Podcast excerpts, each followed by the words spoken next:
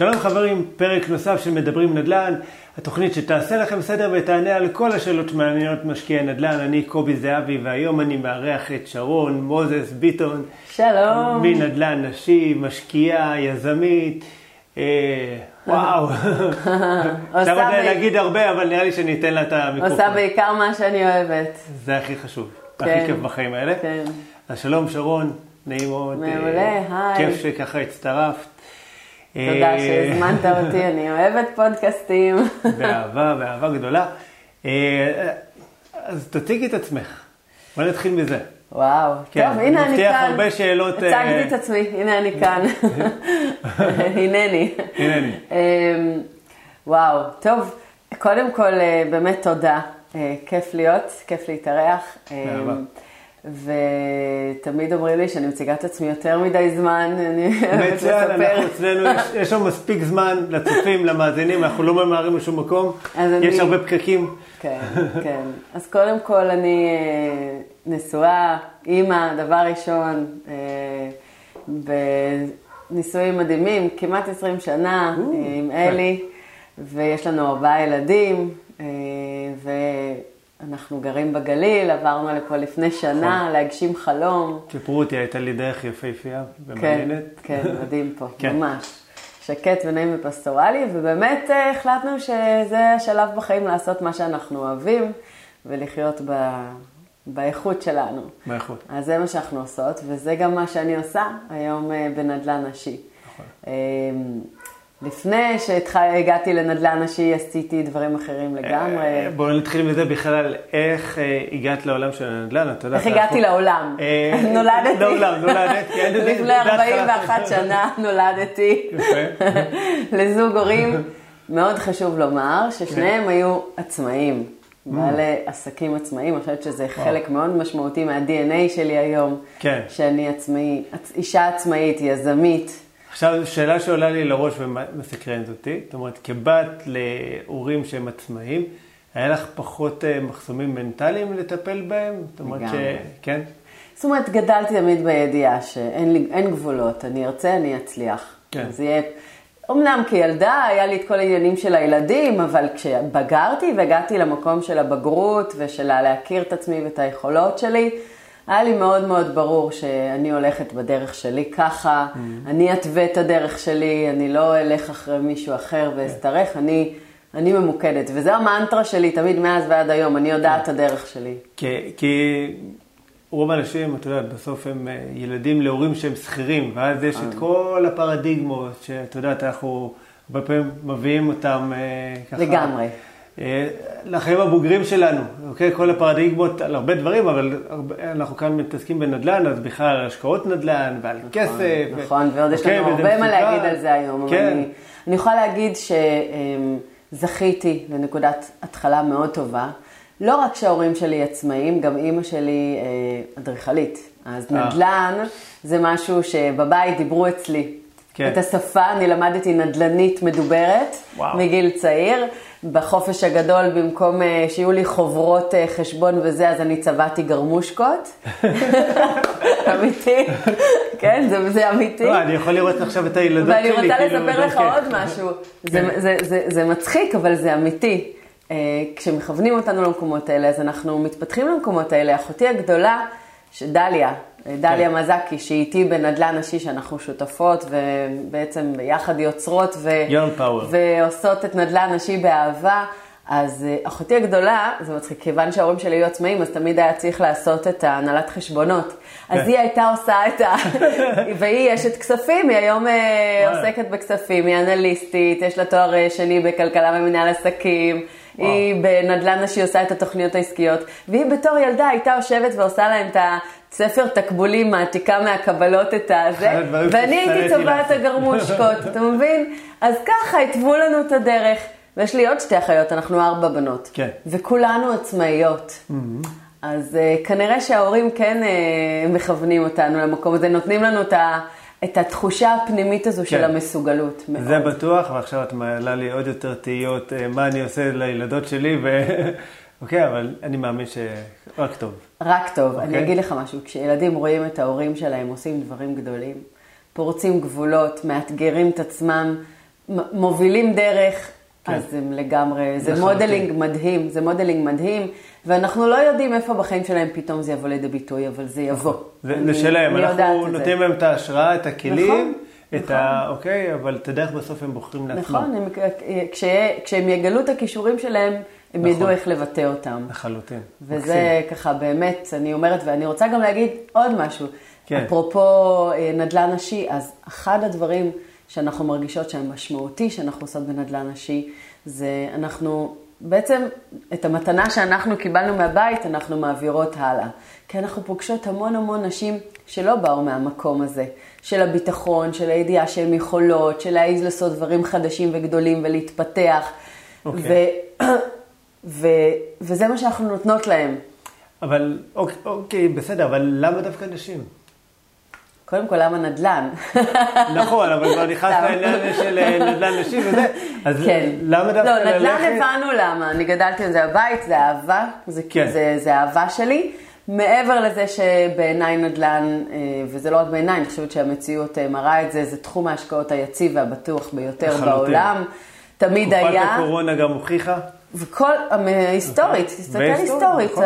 נדל"ן תמיד מתקן את עצמו, לא משנה מה קורה, נדל"ן תמיד מתקן את עצמו, את עצמו, הוא הכי בטוח והכי יציב, גם בתקופות משבר. כן. ובגלל זה אני בחרתי בנדל"ן, חוץ מזה שיש לי את ה passion לזה ואני אוהבת את זה. אה, אבל למה נשים, זה באמת מעניין. אז קודם כל, כשנשים עושות דברים ביחד, אז החלקים עולים על השלם. כן. זה מדהים. כי לנשים יש יכולת באמת... להעצים אחת את השנייה, לפרגן אחת לשנייה, לקדם אחת את השנייה, לתמוך אחת בשנייה. וכשאנחנו עושות דברים ביחד, אז אין תחרותיות, אין שיפוטיות, אין ביקורת, יש משהו הרבה יותר מכיל ומאפשר. אוקיי. Okay. ו...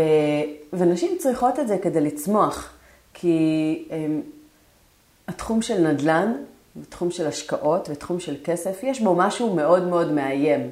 ושנחווה גם כגברי. מאוד גברי. מאוד גברי.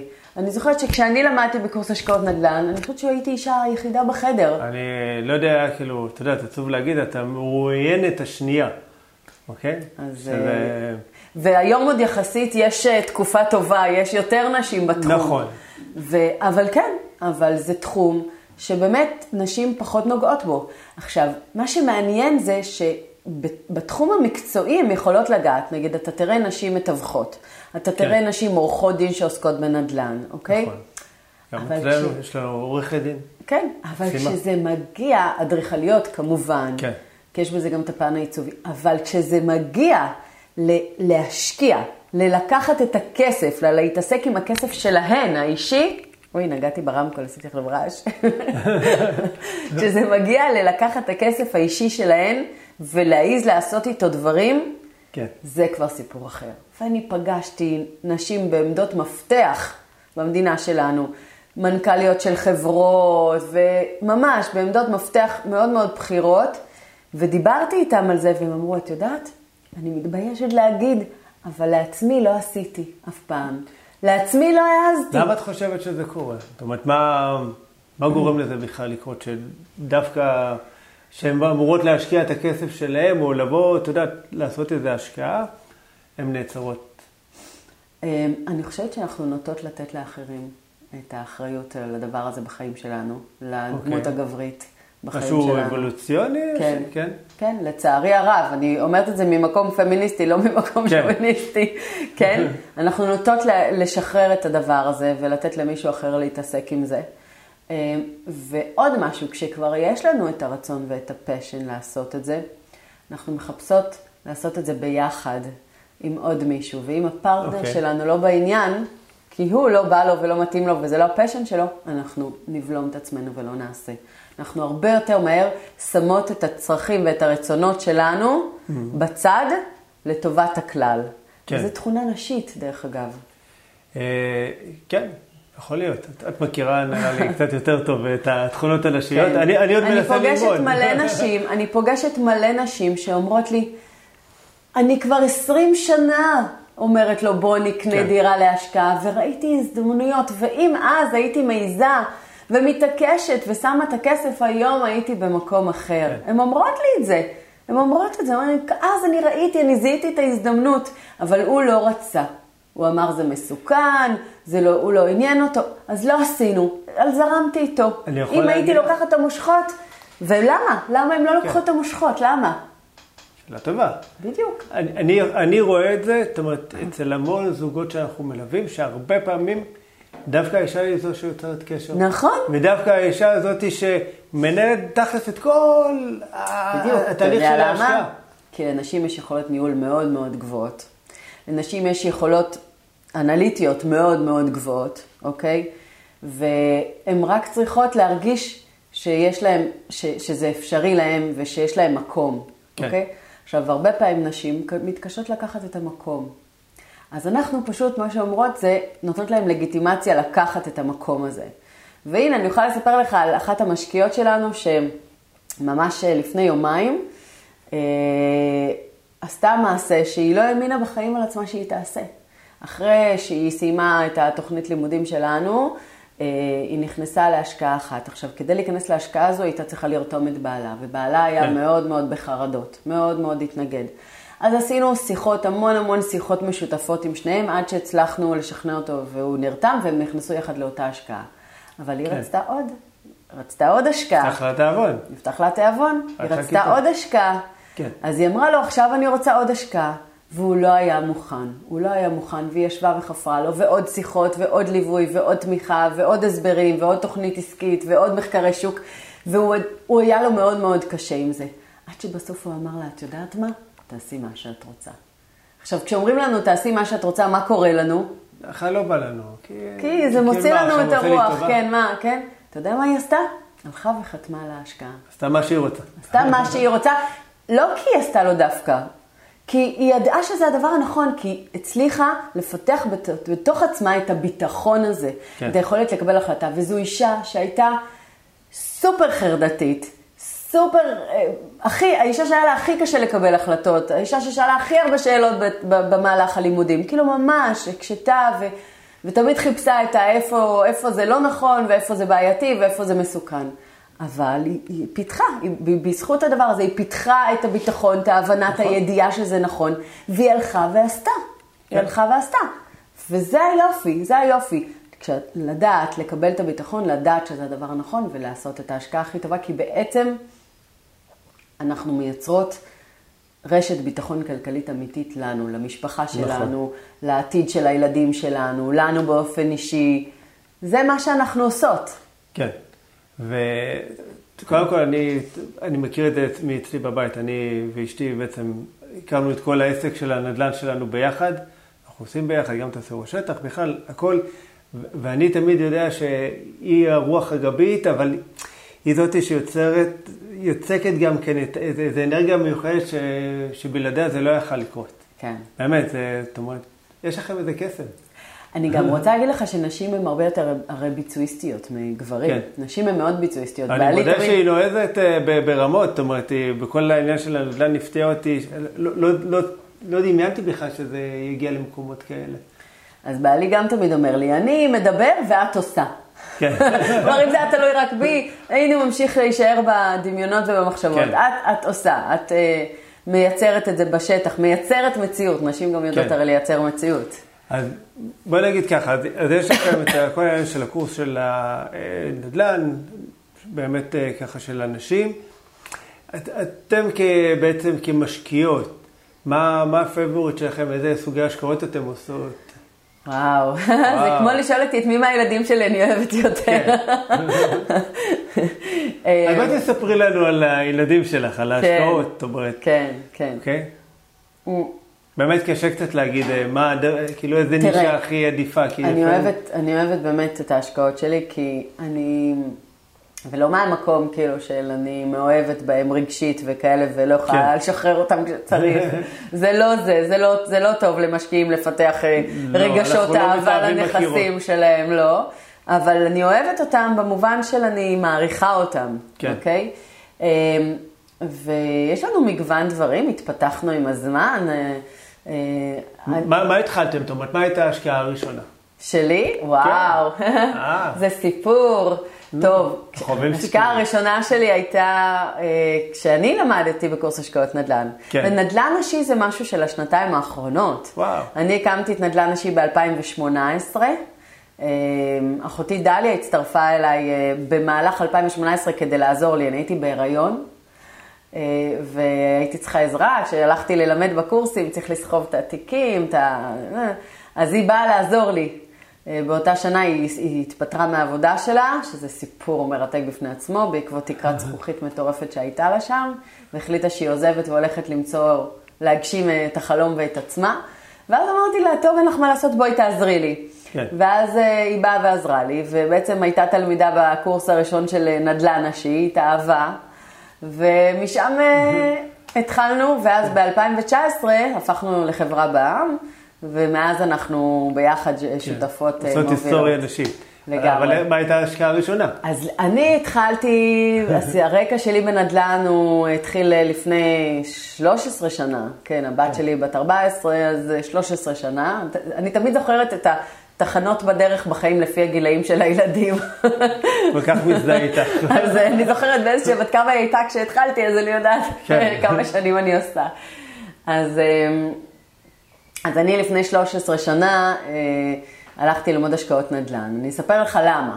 למה? שזה בפני עצמו מעניין. למה הלכת ללמוד השקעות נדל"ן? או, בדיוק. טוב ששאלת. כי, טוב, במקרה שאלת. אז אה, מה שקרה זה ש... אתה יודע, התחתנו, נולדה ילדה אחת, ואמרתי לבעלי, תשמע, טוב, צריך אה, שתהיה לנו דירה, נכון? ברור. זוג צעיר, צריך בית, כן. ילדים, ביטחון, פסיכולוגי, כן. כן? בוא נלך, נקנה דירה. הלכנו, אה, ראינו, גרנו באותה תקופה ברחובות, ראינו אה, שכונה חדשה שנבנתה, רחובות ההולנדית, הלכנו, ראינו דירות, עשינו זיכרון דברים על דירת שלושה חדרים. לא היה לנו כמעט הון עצמי, ההורים נתנו לנו ככה, גרדו לנו קצת, אה, כן. שיהיה לנו טיפה הון עצמי. ידענו שאנחנו הולכים להיכנס לאיזה משכנתה של איזה 700 אלף שקל, כאילו, בלי, בלי למצמץ. אני הייתי אז קרימינולוגית קלינית, עבדתי בכלא, אה, משכורת אה, זעומה מאוד, כן, כאילו היה לי איזה סיפור גם. ובעלי היה סטודנט במכון ויצמן על מלגה. זאת אומרת, בוא נגיד ככה, לא לא הוא ולא אני היינו עתידים להתפרנס. כסף זה לא היה הצד החזק לא, שלכם באותם ימים. לא, לא, אוקיי. ממש לא. אני כעובדת מדינה, סכומים זעומים הרווחתי, והוא כמלגאיסט, כאילו מה, לאן הוא כבר יצמח. אה, אז לא ידענו לאן זה ייקח אותנו, אבל אה, משכנתה מאוד מרצינית. ואז הלכנו, עשינו זיכרון דברים, חזרנו הביתה, כל הלילה לא ישנו. ממש בחרדות מטורפות. בבוקר קמנו ואמרנו, אנחנו מבטלים את העסקה. הלכנו וביטלנו את העסקה. ואז באותה תקופה לבעלי יום הולדת, הלכתי וקניתי לו מתנה, את הספר הזה. מוכר לכולם. לא שמעתי עליו. אבא עשיר אבא אני. מי שלא ראה, אבא עשיר אבא אני. מי שלא לא קרא, לעשות לרוץ פאוס, ללכת ולקרוא לקרוא שבוע הספר ולחזור. עכשיו, אנחנו בחודש הספר העברי, רוצו לקנות. זה התנ"ך. בעקבותיו אני ממליצה גם על חשוב והתעשר של נפוליאון היל. מעולה. עוד אה, במהדורה הישנה. כן, כן, יש לי את זה שנים. כן. בקיצור, אז... אה, אה, ואז אה, מה קרה? מה קורה כשאתה קורא את הספר הזה? אתה מגלה את העולם. מייד נפתח. כן. ואז אמרתי לבעלי, אוקיי, הייתי עוד בחופשת לידה עם הילדה וזה, אני הולכת ללמוד השקעות נדל"ן. נדל"ן אה, היה לי לא- קרוב ללב. שזה לא מובן, כי אני מכיר הרבה אנשים שקראו את הספר, וגם אני ביניהם, אוקיי, והם מאוד התרשמו, ולא עושים עם זה שום דבר. נכון. אוקיי, אני חושב שזה, לא יודע אם להגיד אה, 80 אחוז, או, או פשוט הרוב, אוקיי, שקראו, אבל אמרו לא אחלה עושים. ספר, אבל לא ולא. עשו. אני רק בקריאה השנייה, אוקיי, הייתי צריך לייסר את עצמי אחר כך על השנים שעברו, אבל זו כבר שיחה אחרת. כן. אוקיי, אז נרשמת לקורס נדל"ן. אז הגנים שלי, כנראה הבעלי. היזמיים, אמרו לי, זה הזמן. זה Mm. הזמן לעשות, תעשי שינוי.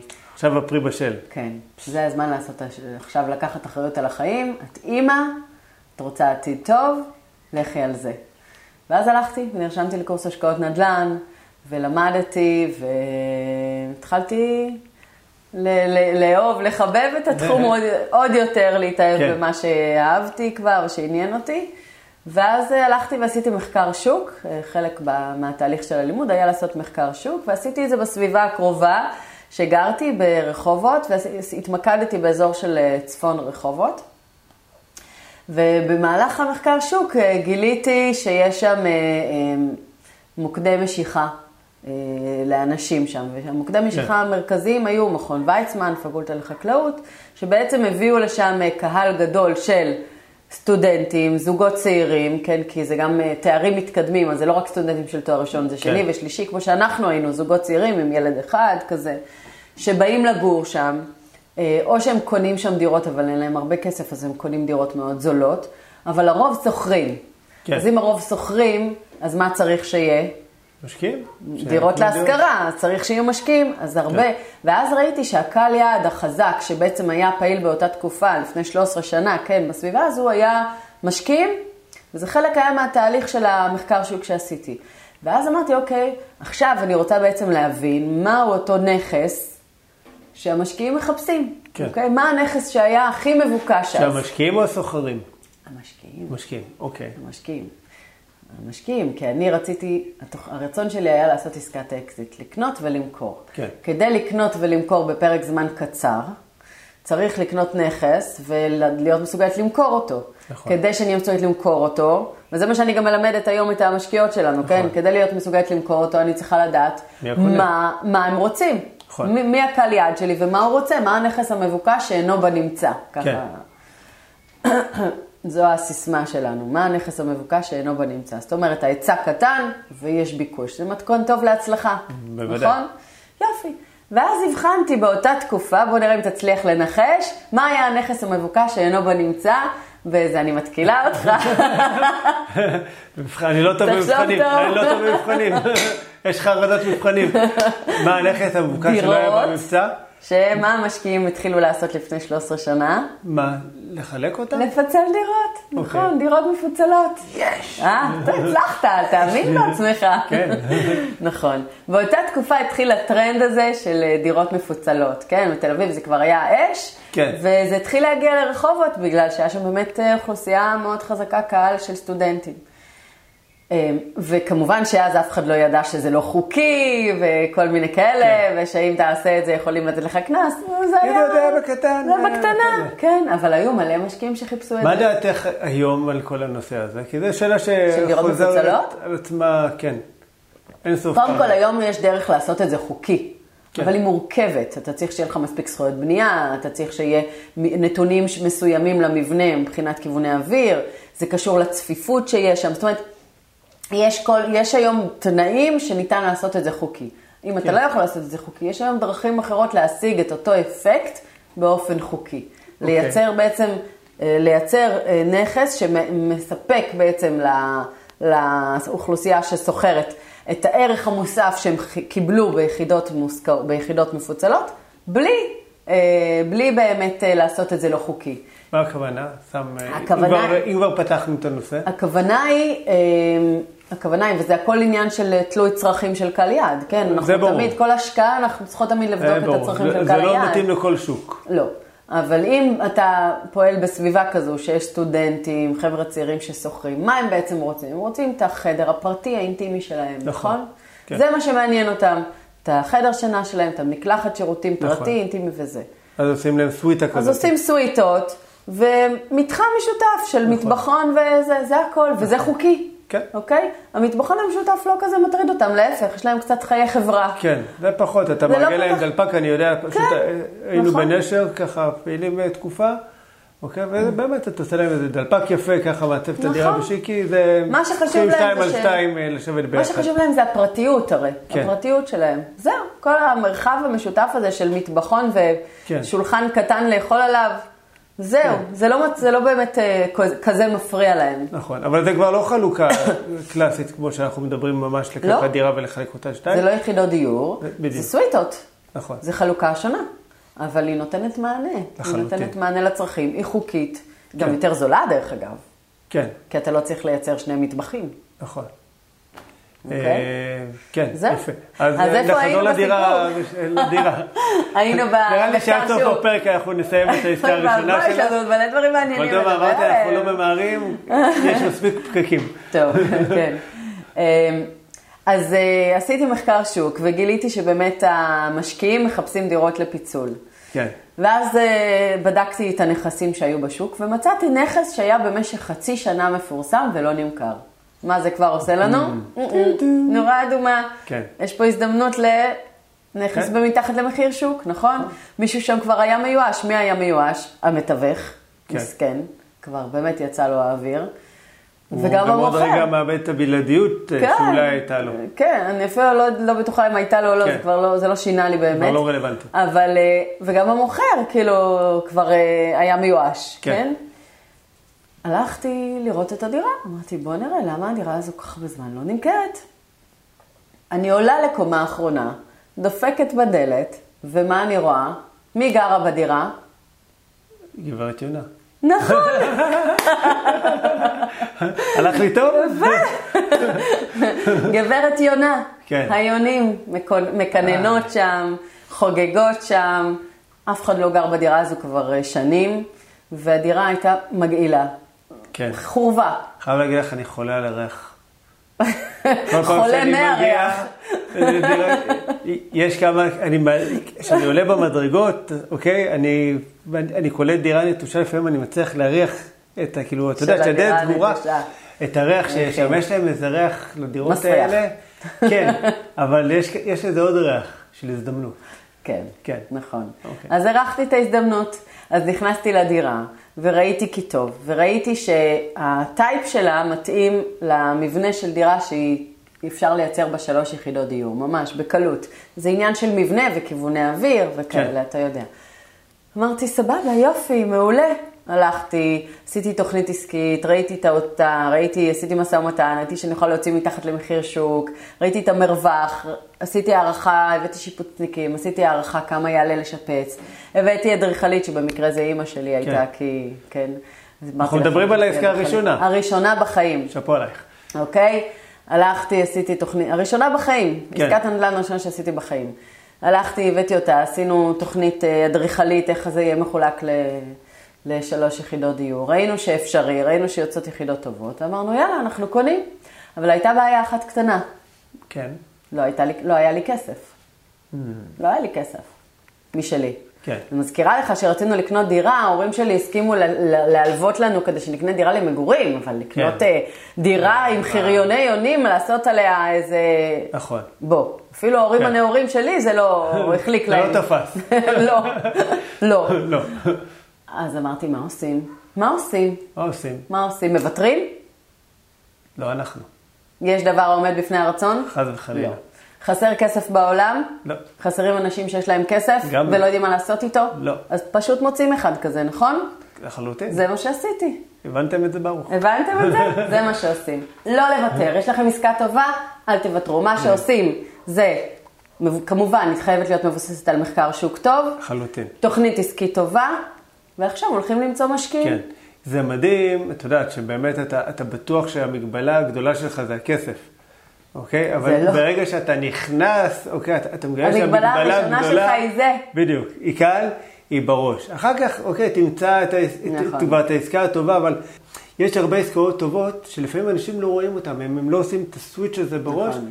הם יכולים להיות אה, כאילו 20 פעם בדירה, הם לא רואים את הפוטנציאל. נכון. כי הם לא מכירים את השוק טוב, או משהו, משהו בתודעה שלנו, לפעמים קצת מתעתע אותנו. נכון. אנחנו אוקיי. רגילים להסתכל דרך נקודת מבט אחרת, אבל נכון. צריך לשנות את נקודת המבט. אמר איינשטיין שאי אפשר לתת פתרון לבעיה כאשר עושים את זה באותה דרגה, צריך לעלות לפתרון ממעלה שנייה. אז אם זה נכון בפיזיקה, זה בטח נכון בנדל"ן. אה, אז, אז זה מה שעשיתי. הלכתי וחיפשתי משקיע, ומצאתי בן של דודה שלי, שהיה חי באותה תקופה בלונדון, כסף היה לו לרוב, זמן לא. כן. אז אמרתי לו, בוא, בוא, אה, בוא תראה את העסקה. הוא היה איש עסקים, הוא ידע לקרוא תוכנית עסקית, ראה כן. מחקר שוק, ראה עבודה ידע רצינית. להבין את המספרים. ראה עבודה רצינית, אמר לי, אין בעיה, אני קונה.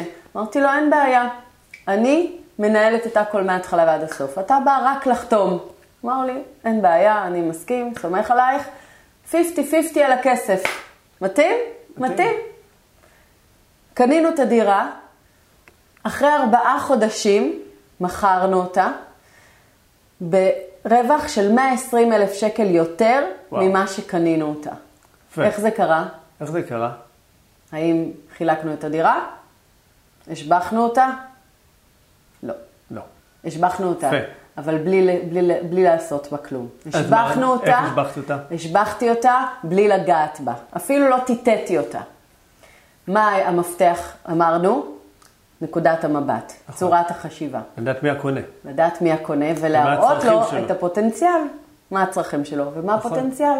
אז כל מה שעשיתי זה לפרסם את הדירה, ממוקדת לקהל היעד למשקיעים, ולשים את התמונה של התוכנית האדריכלית, ולהגיד להם, ברוכים הבאים לדירה כן. שניתנת לחלוקה. הנה התוכנית האדריכלית שאתם מקבלים במתנה, אה, שלוש יחידות דיור. הבאת להם את זה... בבקשה. וכשהם באו לראות את הדירה.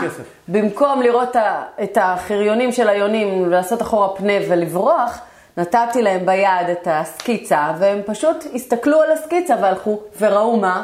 פוטנציאל. כן. ומי שקנה את הדירה הזו היה זוג, זוג נשוי שרצו להשקיע, והיא בעצמה הייתה אדריכלית. פשוט וואי. מאוד. יפה, אתה זה? מה שעשינו. יפה, הבאת להם את זה בעצם תכלס מוכן, מיקדת אותם גם לתוצאה הסופית. ולא הסתכנתי בכלל, אפילו לא השקעתי שקל בשיפוץ שם, כן. כלום, אפילו לא טיטטתי את הדירה. הזו. אתה מבין? הרי אם הייתי נכנסת לשיפוץ וזה הייתי נכנסת להשקעה יותר רצינית, היה פה גם כן. יותר סיכון. אבל כן. כלום, זה אקזיט טהור. זה לחלוטין, זה. pure אקזיט, כי כן. זה, זה בדיוק העניין, זאת אומרת, לקנות ולמכור. זאת אומרת, נכון? יש כל מיני עסקאות אקזיט שאתה קונה, משביח, משביח, ואז זה כבר. עסקאות השבחה. בדיוק, אבל זה כבר, זה כן. פחות אה, ככה אקזיטור. אז באמת. ככה התחלתי. כן. זה היה העסקה הראשונה שלי. אחלה וכשראיתי, לגמרי, כן. עשיתי 60 אלף שקל בארבעה חודשים, תשמע. כאילו, נכון. מה? ו... ועוד 13 שנה אחורה, שזה היה שזה הרבה היה יותר מלא כסף, ולא היה לי הון עצמי. אז מה עשיתי אחרי הדבר הזה? עוד אחד, עוד. ברור. ככה התחלתי לייצר. נכון, ואז התחלתי לייצר הון משלי, עד כן. שהתחלנו להשקיע בעצמנו. כן. וככה זה הפך להיות עסק, ואז הקמתי עסק שנקרא New House, ובמשך כמה שנים עשיתי עסקאות כאלה למשקיעים, בין היתר עשיתי גם תיווך על הדרך, עשיתי, אה, ניהלתי קבוצות רכישה, עשיתי יזמות של התחדשות עירונית כשזה הגיע לעולם, עשיתי קרקעות חקלאיות, התמחיתי, למדתי את התחום הזה Mm. מהטובה ביותר שהיה לה ניסיון מעשי בזה אימא שלי, ולמדתי את כל העולם של איך מאפשרים קרקע חקלאית. מנטורית ואיך אה, מהבית. כן, ופשוט הגדלתי את היריעה, הגדלתי את, היד... את ההבנות, את, ה... את הידע, את הניסיון, במשך 13 שנים, אוקיי. עד שהגעתי למקום שכל החומר הזה היה מדהים, אבל זה לא היה מספיק. היה חסר אוקיי. לי משהו לנשמה. Mm. מה? היה חסר לי להרגיש שמעבר לעשייה הזו שהיא מדהימה, ואני מרוויחה יופי של כסף, ועושה עסקים והכול, היה חסר לי גם להרגיש איזושהי, איזושהי צמיחה אה, שאני, שאני עושה מעבר, שאני נותנת מעבר, שאני עוזרת לאנשים אחרים לצמוח, שאני בעצמי צומחת דרך זה, משהו שהוא גם נותן לך סיפוק וערכים, ולא רק, כן. ולא רק חומר, ולא רק עשייה, ולא רק הצלחה. ואז הרגשתי שהמקום שהכי טוב לי בו, שהמקום שאני הכי מתחברת אליו, זה הנושא של העצמה נשית. כי כל הזמן הזה שבניתי את העסק שלי, כל הזמן הקפתי את עצמי בקבוצות של אה, התפתחות עסקית של נשים. למען האמת הקמתי קבוצה כזו, וניהלתי אותה במשך כמה שנים בהתנדבות. פשוט יצרתי מהשטח נשים שהיו עצמאיות, בעלות עסקים, כן. והיינו עצמאיות עם עוצמה, וכמה שנים היינו ביחד באופן התנדבותי, נפגשות, מלמדות אחת השנייה שיווק, והייתי בלימודים של שיווק, אז כאילו פשוט הייתי בהתפתחות עסקית כל הזמן, ו... והרגשתי שאני רוצה לייצר לעצמי, תשמע, עסק לבד זה קשה, אתה צריך, אה, כן. צריך לייצר לך איזושהי סביבה. נכון. אז uh, פשוט ייצרתי לעצמי סביבה של נשים, וראיתי שהמרחב הזה של נשים הוא, הוא כיפי, הוא. מעצים, הוא, הוא מספק, הוא נותן השראה, הוא מאפשר צמיחה. ו... ואז אמרתי, אני לוקחת את כל הידע והניסיון שיש לי, ונותנת את זה לנשים, וככה נולדה נולדה נשים. כן. זה- בעצם ככה זה המתנה. הכי גדולה שאנחנו יכולים לתת למישהו, לעצמנו זה לתת. נכון. זה נכון. מדהים. נכון. עכשיו, דיברנו אקזיטים, עניינים וזה, ככה, זה, זה באמת מרתק וזה כיף, אבל בוא נדבר רגע קצת על אה, כל העניין של סיכונים. גם בנדל"ן. כי את יודעת, לפעמים אנשים בטוח שבאמת יש אפס סיכון. אוקיי, באמת הסיכון מאוד מאוד נמוך בעולם של הנדל"ן, אבל בכל זאת, בואי בוא, נדבר סיכון, קצת לא, אה, ככה סיכון. על סיכונים. אני מאוד אוהבת לדבר על סיכון, אני אגיד אוקיי. לך משהו. סיכון... זרקת לפני רגע קרקעות חקלאיות, שזה, איך אומרים? תפסתי אותך. יש על זה, איך אומרים, יש שיגידו, אתה יודע, כן. אתה יכול לקנות והנכד של הנכד שלך ייהנה מזה, אבל... מה מסוכן בעיניך? מה מסוכן בעיניי? תראי, היום, אני לא, קשה לי להגיד האמת. זאת אומרת, ברור לי שגם אם אני אעשה את השקעה גרועה, הקרן שלי, הכסף שהגעתי, סיכוי שהוא יעלה מאוד מאוד נמוך. אה, שאלה טובה, כאילו איבדתי קצת את החששות מפעם mm. שהיו, ואני חושב שמה שאיבד את זה, זה בעצם זה שיש יותר ידע, שיש לי ודאות. זאת אומרת, אני משקיע איפה שיש לי ודאות. אוקיי. Okay. לא יסיטו אותי. זאת אומרת, אני בקריית אתא, יש את השכונות שלי, קחי אותי ימין ושמאלה, לא מעניין אותי. אוקיי. Okay. גם אם תגידי, שמע, יש כאן אחלה הזדמנות. אז אתה לא מרגיש שאתה נמצא במרחב של סכנה, כי אתה פועל במקום שיש לך היכרות מאוד טובה עם השטח. לחלוטין. אוקיי. Okay. אז אחד הדברים שגורמים לאנשים להרגיש שיש סיכון, זה כשאין להם היכרות עם השטח. נכון. אוקיי? Okay? שהם לא יודעים איפה הם פועלים, מה, מה קורה שם. כן, מי נגד okay? אוקיי? מי? מי כאילו, מי? אוקיי. מה זה השוק הזה? המתווך אמר לי, זה עסקה מה זה העסקה הזו? מה... מה זה העסקה הזו? מי זה המוכר הזה? מי זאת החברה הזאת? אה, כל מיני. כן. מה זה הפרויקט הזה? כל מיני, אוקיי? אמ, ובאמת, כשאנחנו מדברים על סיכון, אז יש, יש כל מיני מרכיבים לדבר הזה, סיכון, אוקיי?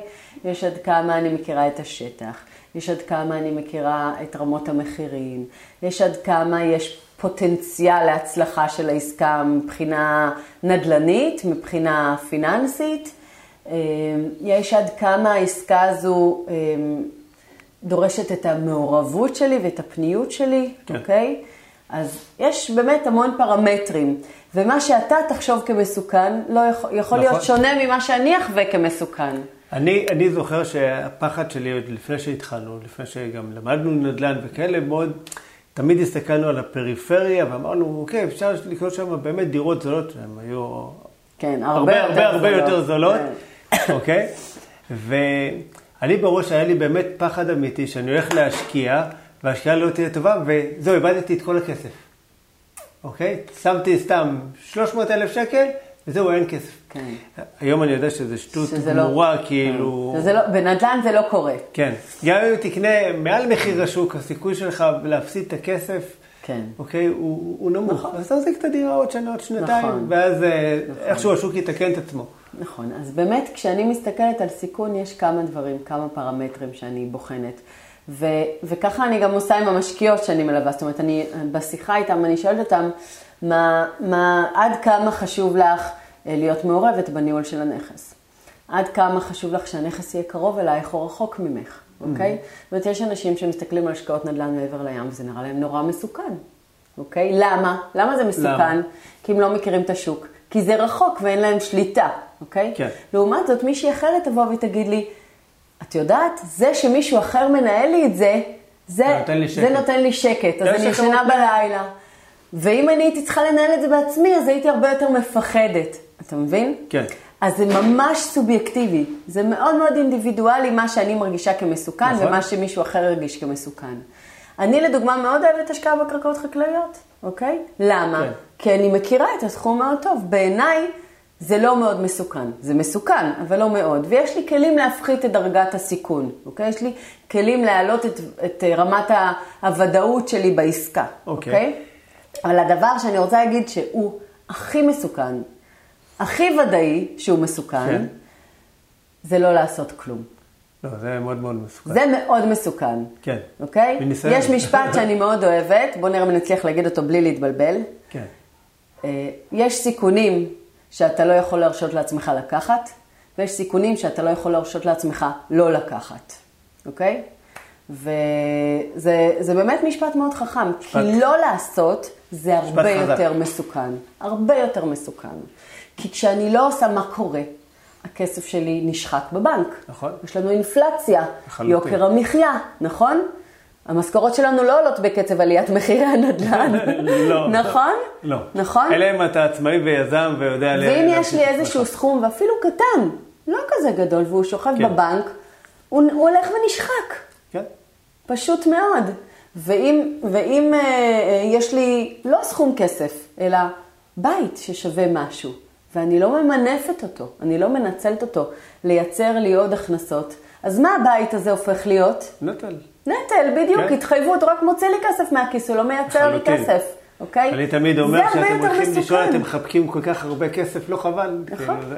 אז זה בעיניי הרבה יותר מסוכן. כן. מאוד מאוד מסוכן בעיניי. כשזוג צעיר הולך לקחת משכנתה של מיליון שקל, והיום לוקחים גם משכנתות הרבה יותר גדולות. הרבה הרבה. בגלל שהנדל"ן יותר יקר. נכון. אוקיי? הולך לקחת משכנתה של מיליון, מיליון לא- וחצי, שתי מיליון שקל, בשביל לגור באיזה דירה במקום אה, וואו. נכון. אז אני אומרת להם, לא. יש לכם הון עצמי? כמה יש לכם? חצי מיליון? ההורים נתנו לכם? כן, אבל ההורים נותנים לנו רק אם נקנה דירה למגורים. כן. אוקיי? אז אני אומרת להם, אז בואו לא נקנה דירה למגורים, בואו נחשוב איך אנחנו יכולים לעשות עסקה יותר חכמה, שלא מוכרת את הנשמה שלכם לשטן, אוקיי? אני, דרך אגב, גרה כן. בשכירות כבר 20 שנה. כן, יש לי נכסים בארץ, בעולם, ואני גרה בשכירות, נכון. גם פה. רציתי לעבור לגליל, להגשים חלום, שכרתי בית. כן. עם שכירות ארוכת טווח, עם בריכה, עם ספא, עם כל מה שאני רוצה. כל הפסיליטי. עם, עם גינה גדולה, כן, עם, נכון. כל, עם כל הפינוקים. אני, אני מודה שאנחנו גרים בדירה משלנו, לא שמנו כל כך הרבה כסף עליה לשמחתנו, כי נסענו קצת, אה, מה שנקרא, החוצה מהמרכז, אז קנינו במחיר עוד שפוי. אה, אבל זה היה לפני שהתחלנו את הנדל"ן. זאת אומרת, היום אני יודע שבוודאות לא, לא הייתי... לא הייתה, אם היית לא, היום... לא, לא הייתי קונה את ה... כאילו בית למגורים. אם זו הייתה נקודת פתיחה שלך כן. היום, לא. מצד שני, יש לי נכסים אחרים שעשו כבר מאות אחוזים. נכון. אתה מבין? אז אה, לשמחתנו הדירה ככה עלתה מאוד יפה, אז מוציאים כסף. פעם היה... כל פעם שיש קצת אה, מרווח, יאללה. כי פעלתם בתקופה, כי פעלתם, פעלתם בתקופה, וזה היה להרבה אנשים את המזל הזה בארץ, שלא היית צריך אה, להיות חכם. כדי להשקיע כן. בנדל"ן, לא משנה איפה שמת את השקל שלך, נכון. הוא uh, שילש והכפיל את עצמו כן. ויותר. אז מבחינתנו, זאת אומרת, להשאיר אפילו גם אם נרצה, כאילו לעבור דירה, אז להפוך אותה לדירה נכון. להשקעה. נכון. אוקיי? וללכת לזכות במקום אחר, לגמרי. בית גדול יותר. ברגע שמינפת אותו, הופך להיות נכס, הוא כבר לא התחייבות. לחלוטין. הוא מייצר לך עוד כסף, הוא כבר נכס, הוא כבר לא התחייבות. לחלוטין, איפה שאפשר להשיג מינופים היום, אנחנו מושכים. לגמרי. ומנסים להיות יצירתיים בעניין. לגמרי. כמה שאפשר. אז, אז אחד הדברים, דרך אגב, בארץ, מחירי הנדל"ן מאוד מאוד עלו, מחירי הדירות מאוד מאוד עלו. למה הם עלו? בגלל הביקוש. כן. אוקיי? מה הביקוש, מה הבעיה איתו? שהוא רק עולה. למה הוא רק עולה? כן. אין התחלות בנייה, אין, אה, אוקיי, קודם כל אה, גידול דמוגרפי. גדולה. קודם כן. כל גידול דמוגרפי.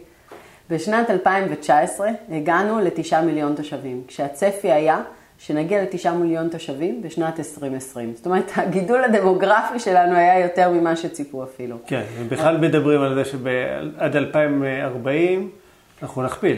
את אה, כמות האוכלוסייה. אנחנו מדברים על זה שעד 2048 אנחנו נהיה 15 מיליון תושבים. וואו. בשנה הבאה, ב-2024, אנחנו אמורים להגיע לעשרה מיליון תושבים. זאת אומרת, אנחנו עכשיו ב-2020, תוך ארבע שנים, כן. אמורים להצטרף לפה עוד עשרה מיליון תושבים. עשרה מיליון תושבים, כן. אוקיי? זה אה, בעצם עוד הרבה מאוד דירות. תחשוב, כן. עשרה מיליון תושבים, עוד מיליון אנשים שצריכים לגור, אוקיי? נכון. אז אנחנו צריכים לייצר פה בשביל העשרה מיליון האלה. את יודעת, לזוגות שמתחתנים. לא, יש סטטיסטיקה, יש, מדברים על אה, שלוש אה, נקודה משהו אה, דירות, תושבים לדירה, אוקיי? כן. זאת אומרת שאנחנו צריכים פחות או יותר שני שליש דירות מכמות התושבים פה, אוקיי? כן. זאת אומרת שאנחנו צריכים לייצר פה עוד סדר גודל של 600 אלף יחידות דיור. לא נראה לי שהמדינה עומדת בקצב. מה זה אומר? זה אומר שבארבע שנים לייצר 600 אלף יחידות דיור, אוקיי? זה המון. שבשנה כמה מייצרים? קרוב ל-40? היינו מייצרים סביב ה-50 וירדנו בערך ל-40. כן. כן. זה המון. תעשו חושבים את המספרים. זה, זה המון יחידות דיור, זה, זה בעצם אה, ביקוש מאוד מאוד גדול כשההיצע לא עומד בקצב. למה המדינה עושה מתחמים מועדפים לדיור? למה היא כן. יצרה את הדבר הזה שנקרא ותמ"ל, שזה ועדה למתחמים מועדפים לדיור? כי הוותמ"ל, המטרה שלו היא בעצם לקדם פרויקטים אה, של אה, התחדשות עירונית ושל הפשרת קרקעות מסיביים כדי להגדיל את היצע הדיור ולתת מענה לגידול האוכלוסין של כן. מדינת ישראל. אוקיי. זה בעצם חלק מהתוכנית האסטרטגית של מדינת ישראל לשנת 2040. אז המדינה מייצרת באופן אקטיבי עכשיו מהלכים כדי להגדיל את היצע הדיור. וחלק מזה, זה גם הנושא של התחדשות עירונית, שזה באמת אה, אחת הבשורות הנדל"ניות המשמעותיות שיש בתקופה הזו.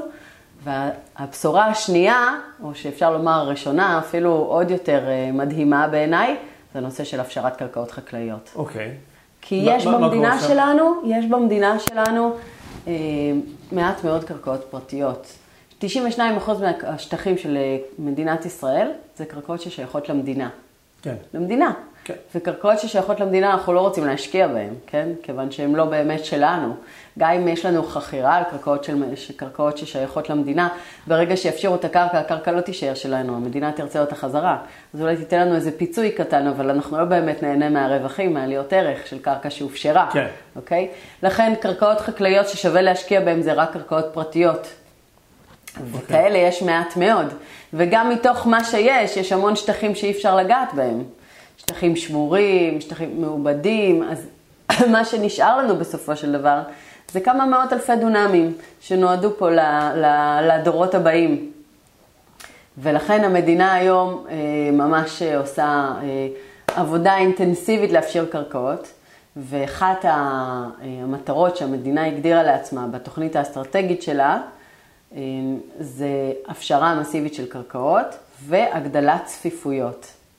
אוקיי. מה זה אומר הגדלת צפיפויות? לבנות גורד שחקים אה, עכשיו, גבוה גבוה. זה אומר שעל. כל יחידת קרקע בונים יותר יחידות דיור, אוקיי?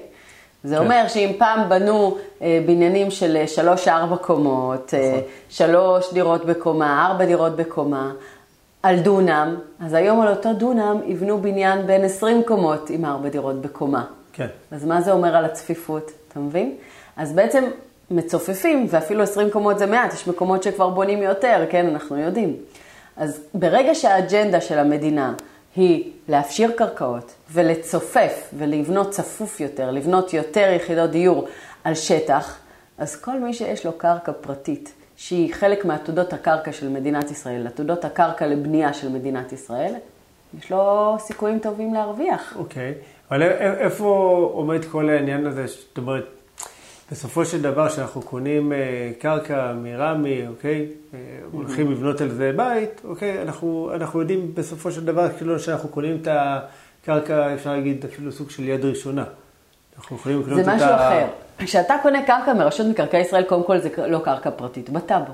כן. היא קרקע של המדינה, היא קרקע של מינהל מקרקעי ישראל, קרקע שאתה עושה עליה חכירה, אתה קונה אותה היום כבר קונים בהסכם מהוון. הסכם מהוון זה אומר שאתה בעצם כאילו קנית את הבית, הוא כאילו הופך להיות פרטי שלך, יש לך היוון, אתה משלם בעצם את כל השווי הכספי שלו קדימה, אוקיי? כן. פעם היית משלם חכירה בפרקי זמן, כל איזה 20 שנה, 25 שנה, היית צריך לשלם עוד כסף למינהל מקרקעי ישראל. הבינו שבוא ניקח את הכסף היום עושים היוון, כן, היום עושים היוון, אתה בעצם קונה את הבית בערכו המלא כבר, אתה לא צריך להמשיך לשלם למינהל מקרקעי ישראל כסף. אבל זו קרקע שהיא כבר מופשרת, מה הביזנס פה? כן. אלא אם אה, יש עליה מחיר אטרקטיבי, אתה הולך לבנות בית ולמכור אותו, עשית עסקת יזמות. זה לא מה שאני מדברת עליו.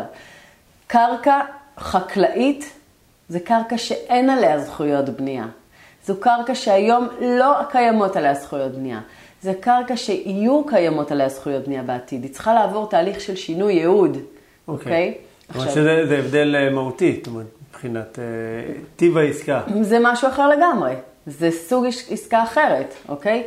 אתה קונה היום יחידת קרקע, אוקיי? אתה קונה היום 100 מטר חקלאי, אוקיי? אבל קרקע פרטית בטאבו, אוקיי? ה-100 מטר האלה נמצאים באיזושהי תוכנית עתידית שהקרקע הזו תופשר מתישהו, כן? וכאשר היא תופשר, יהיה עליה זכויות בנייה. אוקיי? מה זה זכויות בנייה? זה שווי כסף. לחלוטין. אוקיי? זה, זה, זה כסף בעצם, זה מעלה את ערך הקרקע. היום המאה מטר האלה, אם יהיה להם צפיפות של 20 דירות לדונם, אז על כל 100 מטר אפשר לבנות שתי דירות. זאת אומרת שהמאה מטר שלי, יכולים לייצר לי שתי דירות. כן. אוקיי? כמובן בתנאי שאני אממן את הבנייה, כן, צריך לממן את עלויות הבנייה. אבל זה עדיין לייצר לעצמך אה, קרקע, לייצר לעצמך אה, קרקע שיש עליה אה, זכויות בנייה, אתה לא חייב לממש את הבנייה, אתה יכול רק למכור אותה ולקחת את הרווח של העליית ערך וללכת. העניין הוא, שאלה באמת, את יודעת, שסביר להניח עולה אצל הצופים והמאזינים, תוך כמה זמן הקרקע הזאת באמת תופשר. Okay. אוקיי. שאלה מצוינת. האם, אה, האם אה, עסקת אה, קרקע חקלאית זה עסקת אקזיט או דירה לנכדים? שאלה טובה. נכון, שאלת השאלות. כי הרבה פעמים שאת יודעת, מדברים על קרקעות חקלאיות, אומרים, טוב, אתה קונה, אבל יכול להיות שהנכד של הנכד של הנכד שלך ייהנה מזה. אז פה, פה, פה בעצם נכנס האלמנט של לדעת את הדברים כמו שצריך, לדעת איזה קרקע נכון לקנות. אוקיי? לדעת איפה כדאי להשקיע, לדעת מה הסטטוס הנוכחי של אוקיי. הקרקע. אוקיי. זאת אומרת, מה, מה חקר השוק, איך חקר השוק בנושא כזה של קרקעות חקלאיות אה, מתבצע? זה, יש כמה פרמטרים שאנחנו בודקים. אנחנו בודקים את הסטטוס המשפטי שלה, אנחנו בודקים את הסטטוס התכנוני שלה, אנחנו בודקים את הסטט, המצב הפיזי שלה.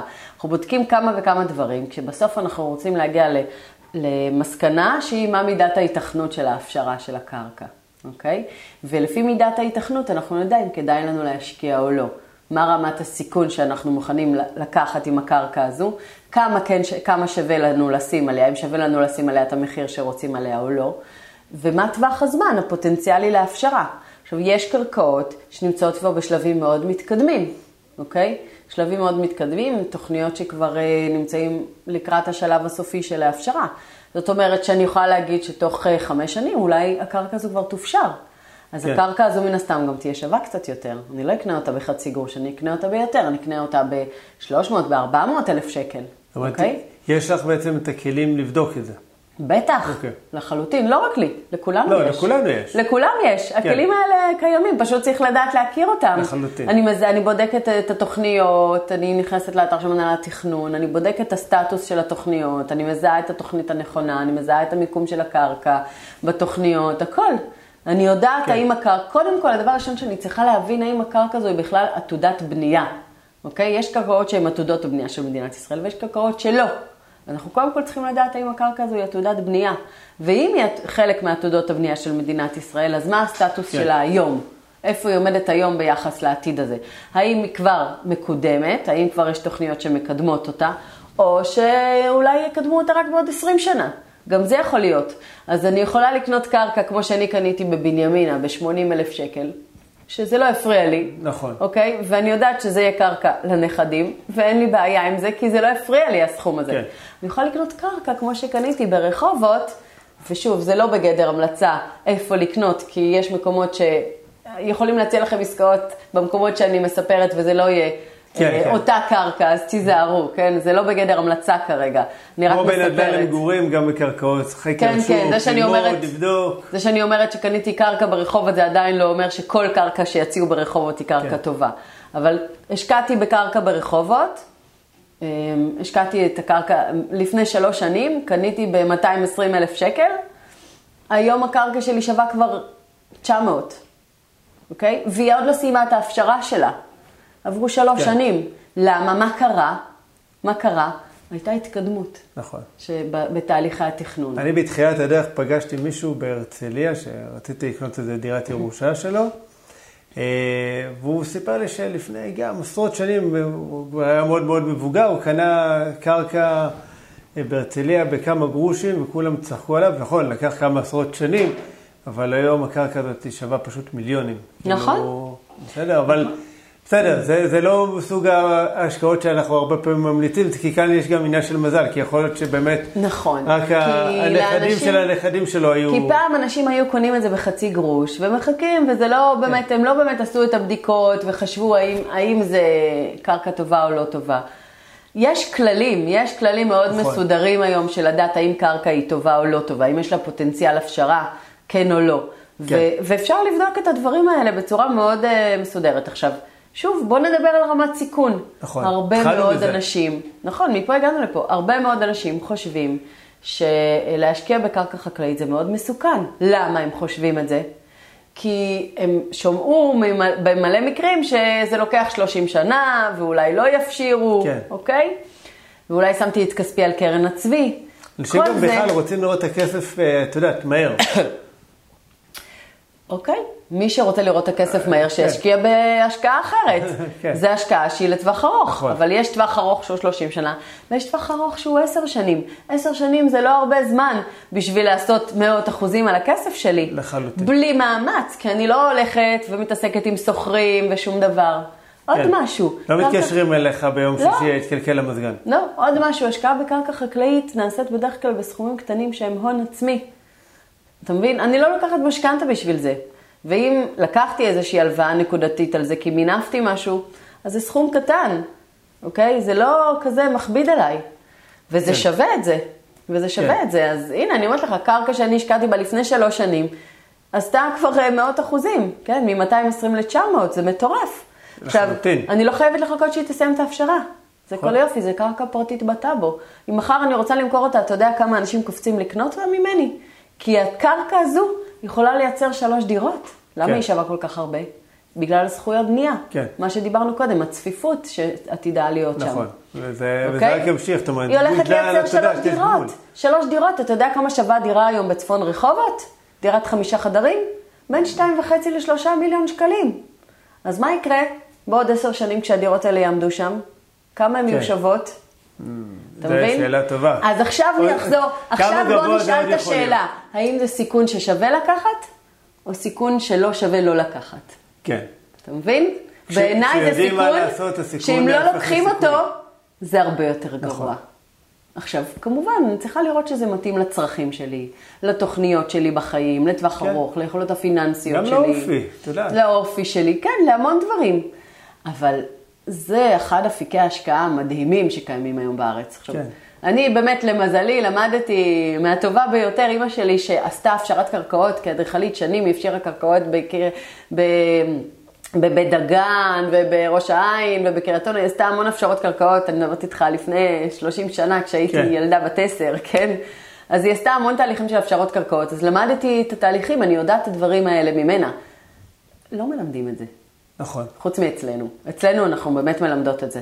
אבל אנשים לא מלמדים את זה. מה קורה לאנשים? הם הולכים לחברות שיווק. חברות שיווק מציגות להם מצגות מאוד מאוד מאוד יפות, יפות. עם משרדים. עם מספרים מאוד מאוד יפים, עם, מס... עם משרדים מאוד מאוד מפוארים, אבל הם לא יודעים לבדוק את הנתונים. ופה הם נופלים. כן. שהם נופלים על חברות אז זה הופך להיות מסוכן. נכון, שאז זה הופך להיות מסוכן. הסכנה היא שאני לא, כשאני לא יודעת לבדוק את הדברים. כן. זו אבל זה הסכנה. נכון להרבה סוגים של השקעות. זאת אומרת, נכון, גם בחו"ל. לגמרי, וגם- בדיוק. אוקיי? בדיוק. וגם בארץ, אה, זאת אומרת, אין מה לעשות, אם, אם נכון. אתה לא יודע, במקרה הזה באמת הידע הוא כוח. נכון, אני אומר לאנשים, זאת אומרת, זה לא משנה איפה אתה הולך להשקיע ודרך מי, אוקיי? ש- תשאל את השאלות, שיהיה לך מושג, תבקש אה, לראות, אה, לא יודע מה, לדבר עם משקיעים, לדבר עם אנשים, זאת אומרת, אל תלך כי אמרו לך כי הוא נחמד. נכון. בסדר? עכשיו, זה כל היופי. תשמע, אני מלווה משקיעות שהן מגיעות בלי שום ידע, בלי שום כלים. עם המון המון, מה שיש להם בעיקר זה פחדים. בעיקר פחדים, כן? הפחד שיעבדו עליי, שאני לא מבינה כלום בנדל"ן, אני לא מבינה בכסף, אני לא מבינה במשכנתות, כן. אני לא מבינה בכלום. עם מיליון פחדים, אבל מה כן יש להם? מוטיבציה? צורך. צורך. צורך אמיתי. מה, מה הצורך שלהם? שיהיה להם פנסיה מכובדת, אוקיי? שיהיה להם פנסיה, והיום אנשים לא יכולים באמת הרי לסמוך על הקרנות פנסיה, נכון? אני אנחנו לא ויתרתי. יודעים מה יהיה לנו, מה, מה יהיה עם הכסף שאנחנו שמים בפנסיה, מה יקרה איתו. נכון. תוחלת החיים עולה, פחות אנשים שמים כספים היום בפנסיות. נכון. זאת אומרת שכשנגיע לגיל ההוא לא בטוח שבקופות בכלל יהיה כסף. כן. נכון? אז מה אנחנו עושות היום? אנחנו מייצרות פנסיה נדל"נית. כן. זה הרעיון. היום לי, שלי. ולמשקיעות שלי, ולכל מי שאני היום מלווה אותו, יש פנסיה נדל"נית. נכון. אוקיי? עכשיו, פנסיה נדל"נית זה טווח ארוך. אבל החיים שלנו גם כאן ועכשיו. יש כאלה שצריכים בשוטף עזרה. לא מספיק היום להתפרנס רק מעבודה. הנה, תראה מה קרה לנו בקורונה. לא מספיק. כן. אז היום, למה בקורונה עכשיו פתאום הייתה עלינו התנפלות? מלא אנשים באו ורצו ללמוד ורצו להצטרף לליווי. למה? כי הם הבינו שהם לא יכולים להסתמך רק על הכנסה מעבודה. הבינו כן. שחייבים איזושהי הכנסה נוספת שתייצר ביטחון כלכלי. נכון. אז זה בדיוק תראה, העניין. בכלל, כשמדברים איתם על פנסיה, מדברים על, אה, אתה יודע, גברים בגיל 67, עכשיו אני אומר 67 זה היום. אה, שתהיה בגיל 67, Mm. מעלים את זה כל הזמן. לא בטוח שזה תהיה, יהיה גיל הפרישה, סביר להניח שזה לא עכשיו יהיה העלו את גיל הפרישה לנשים גם. כן, ו- ואני אומר, היופי בפנסיה מבוססת אה, נדל"ן, זה שגיל הפרישה יכול להיות הרבה הרבה יותר קרוב. אני מתכננת אוקיי. לפרוש אה, לא עוד הרבה שנים. כן, הש- השאלה מתי התחלת.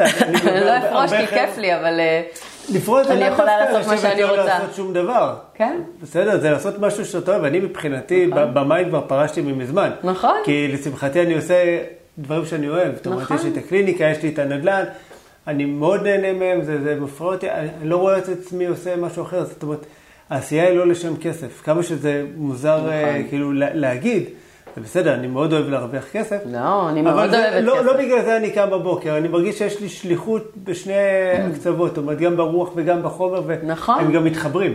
לגמרי, נכון, ממש. וזה היופי, וזה מה שאני מאחל באמת לכולם. נכון.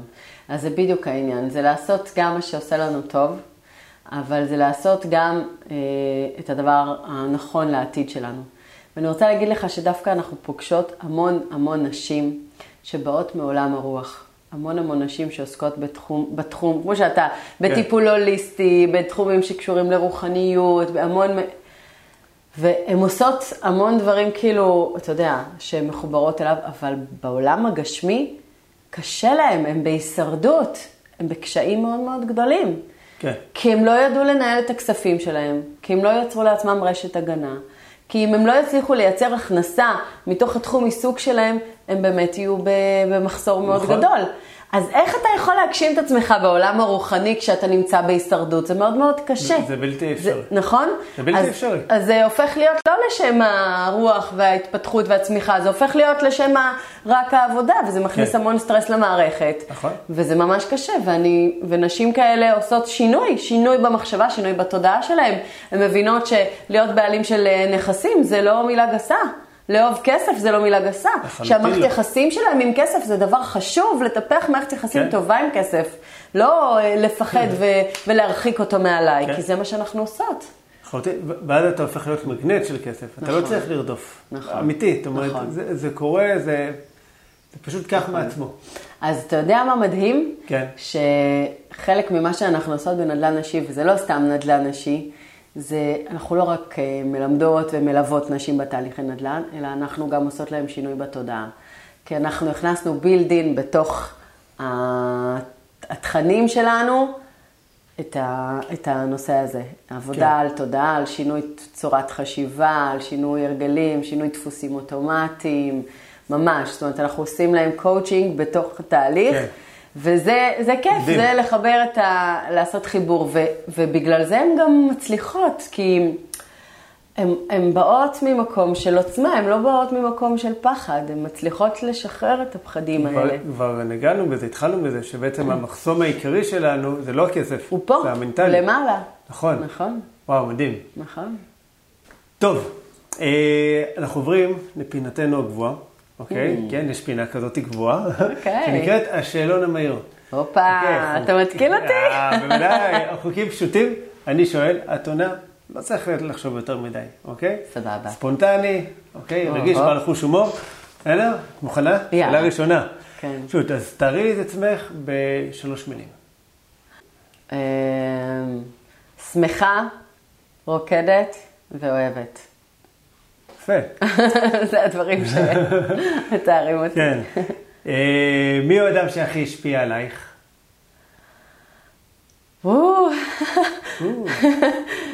כאילו מהאנשים הקרובים, מבכלל, האדם שהכי השפיע עלייך, מה- מה שעולה לך לראש? אני חושבת שבעלי ואני משפיעים אחד על השני מאוד.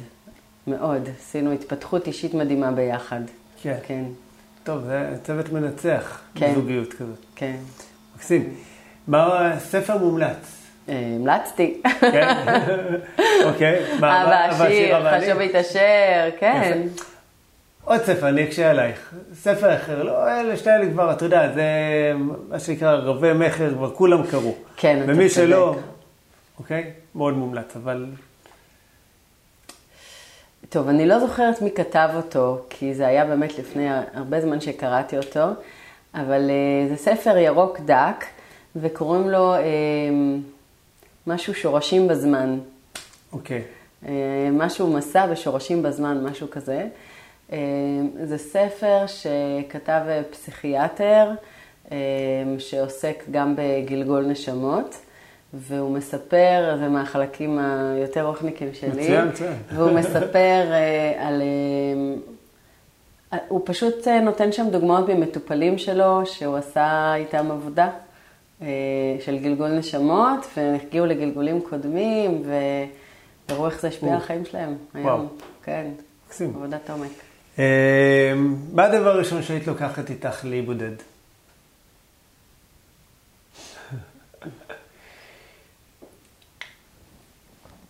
למה זה, למה אני לא יודעת לענות על זה? מהר מהר, המעבורת יוצאת עוד רגע. אמ, אני מניחה שספר. ספר. כן. אוקיי. כן, כן. אבל שיר אבא אני, או חשבתי את השם? לא, לא. לא, ספר. מה הדבר האחרון שהיית לוקחת איתך לאי בודד? טלפון. טלפון, אני צריך את זה, גם ככה אני קליטה. נכון. אה, מה העצה הכי טובה שנתנו לך?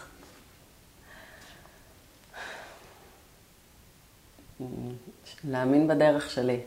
יפה, להאמין בדרך שלי, וזה באמת מה שאני עושה. זה בהחלט עצה. עצה חזקה כן, ומתנה. איזה תחביב יש לך? לרקוד. לרקוד? מה? אה, רקדתי המון שנים אה, מחול מודרני, כנערה, כן. ואפילו גם בגיל קצת יותר בוגר. אה, ולרקוד זה אהבה גדולה שלי. זה כיף. חלום שאני עוד צריכה להחזיר להגשמה מחודשת כן. לחיים שלי. אין סיבה טובה לצאת לפנסיה מוקדמת. זה צריך לעשות תוך כדי החיים. נכון?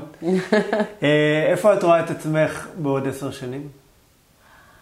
בגליל, ממשיכה לגור בגליל. כן. אמ, אה, עם גיחות לטיולים בעולם כל הזמן, כי הילדים יהיו קצת יותר גדולים, אז זה יאפשר לי יותר אה, חופש. כן. מטיילת, חוזרת, עושה מה שאני אוהבת. אני כבר נמצאת במקום שאני אוהבת.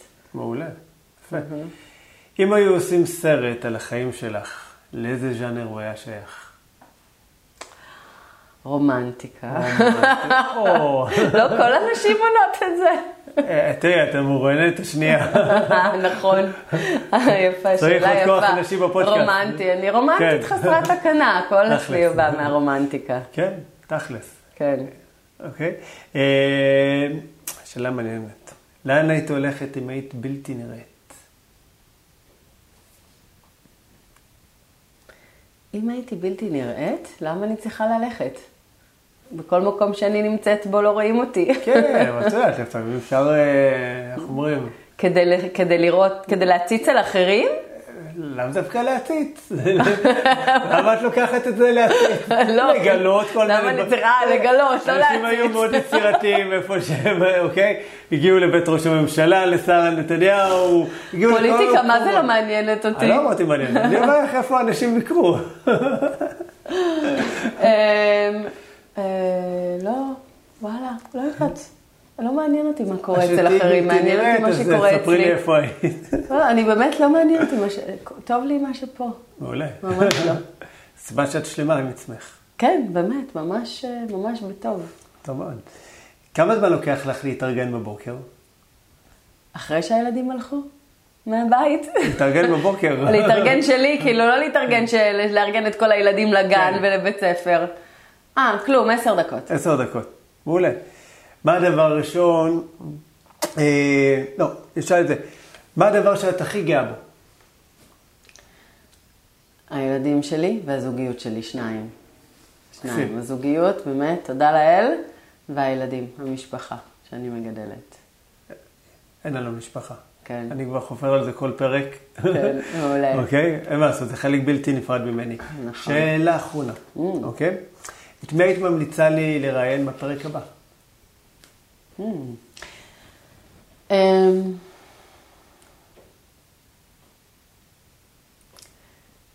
צריכה לחשוב על זה. צריכה לחשוב על זה. כן, כן. אוקיי. אני צריכה לחשוב על זה, אבל אני אתן לך המלצה. אני אדרוש אתן אותה. לך. כן, אני. אתן לך המלצה.